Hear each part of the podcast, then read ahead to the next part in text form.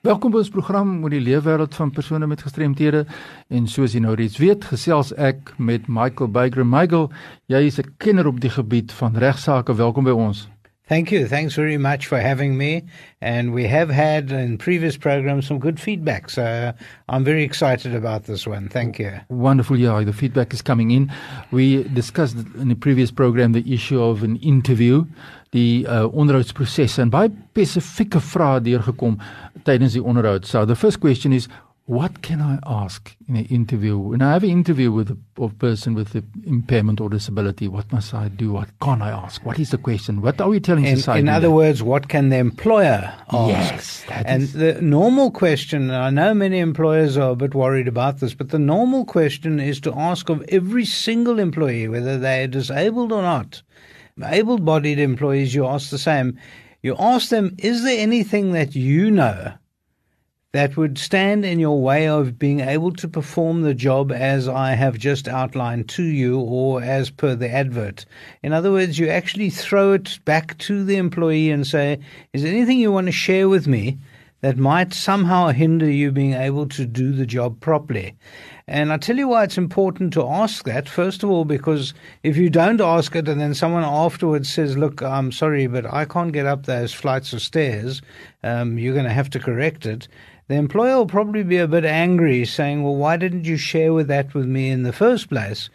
And also, at the interview, one wants to level the playing field. You want to be able to say, These are my problems, this is my issue. I'd like you as an employer to sort out these issues. That's right. And so it would be fair of the employer to ask that. You don't have to ask specifically what is wrong with you. Yeah. That you don't have to ask, or what is your disablement, or whatever it is. You don't ask that because that becomes embarrassing. Yeah, and are you allowed to ask any medical questions or not? You can't ask specific medical questions. You can't say, you know, what is wrong with you in Yeah. terms of medical uh, issues. But what you can say is, obviously, if something is visible, like I notice that you've got a problem with that or you've got an issue here, you can ask that. And I like to ask, and I always suggest people ask, what is it that you think as the future employee that might stand in your way of being able to perform the job Yeah. or be able to uh, perform it in an adequate manner to the best of your ability. Yeah. And then we can actually get into a discussion as to how I can make it work That's as an right. employer. And that's Yeah. the idea. The basis is uh, to you be able to meet the minimum requirements for that specific job you're applying to, and then it's uh, then you take it from there as you explain. Michael, uh, Michael Bagraim is my guest today. Michael is a very well-known uh, uh, law attorney, attorney in uh, labor issues in South Africa. Michael, the next question is: To what degree must I provide reasonable accommodation or an interview? This, this question comes from an employer. Well, obviously, if one can provide proper accommodation to the person at not an enormous expense. I mean, doesn't one doesn't want you to go and bankrupt your business to be able to accommodate, and on the other hand, one doesn't want you to say, "Well, I'm not going to spend a thousand rand to accommodate this person, so I'm not going to have them," because that that would just be first of all illegal, but also be incredibly stingy, immoral, and wrong. Um, we are in another program going to discuss two court cases about accommodation, and in those court cases, they outline real cases of why an employer should accommodate. And there's another one I'm going to refer to as to why an employer couldn't accommodate. Yeah. And the courts have agreed with him in both instances. So it's a very wide question, that.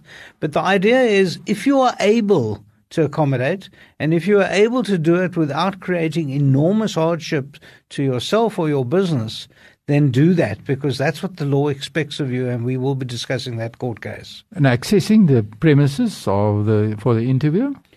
Well, yes, obviously one would expect the interviewee, the person, uh, for instance, if someone has arrived in a wheelchair and you're on the third story up, or three flights of stairs up and there's no lift, uh, that would be deemed to be unfair and um, would probably be illegal in the circumstances. So you need to accommodate the person for the actual interview.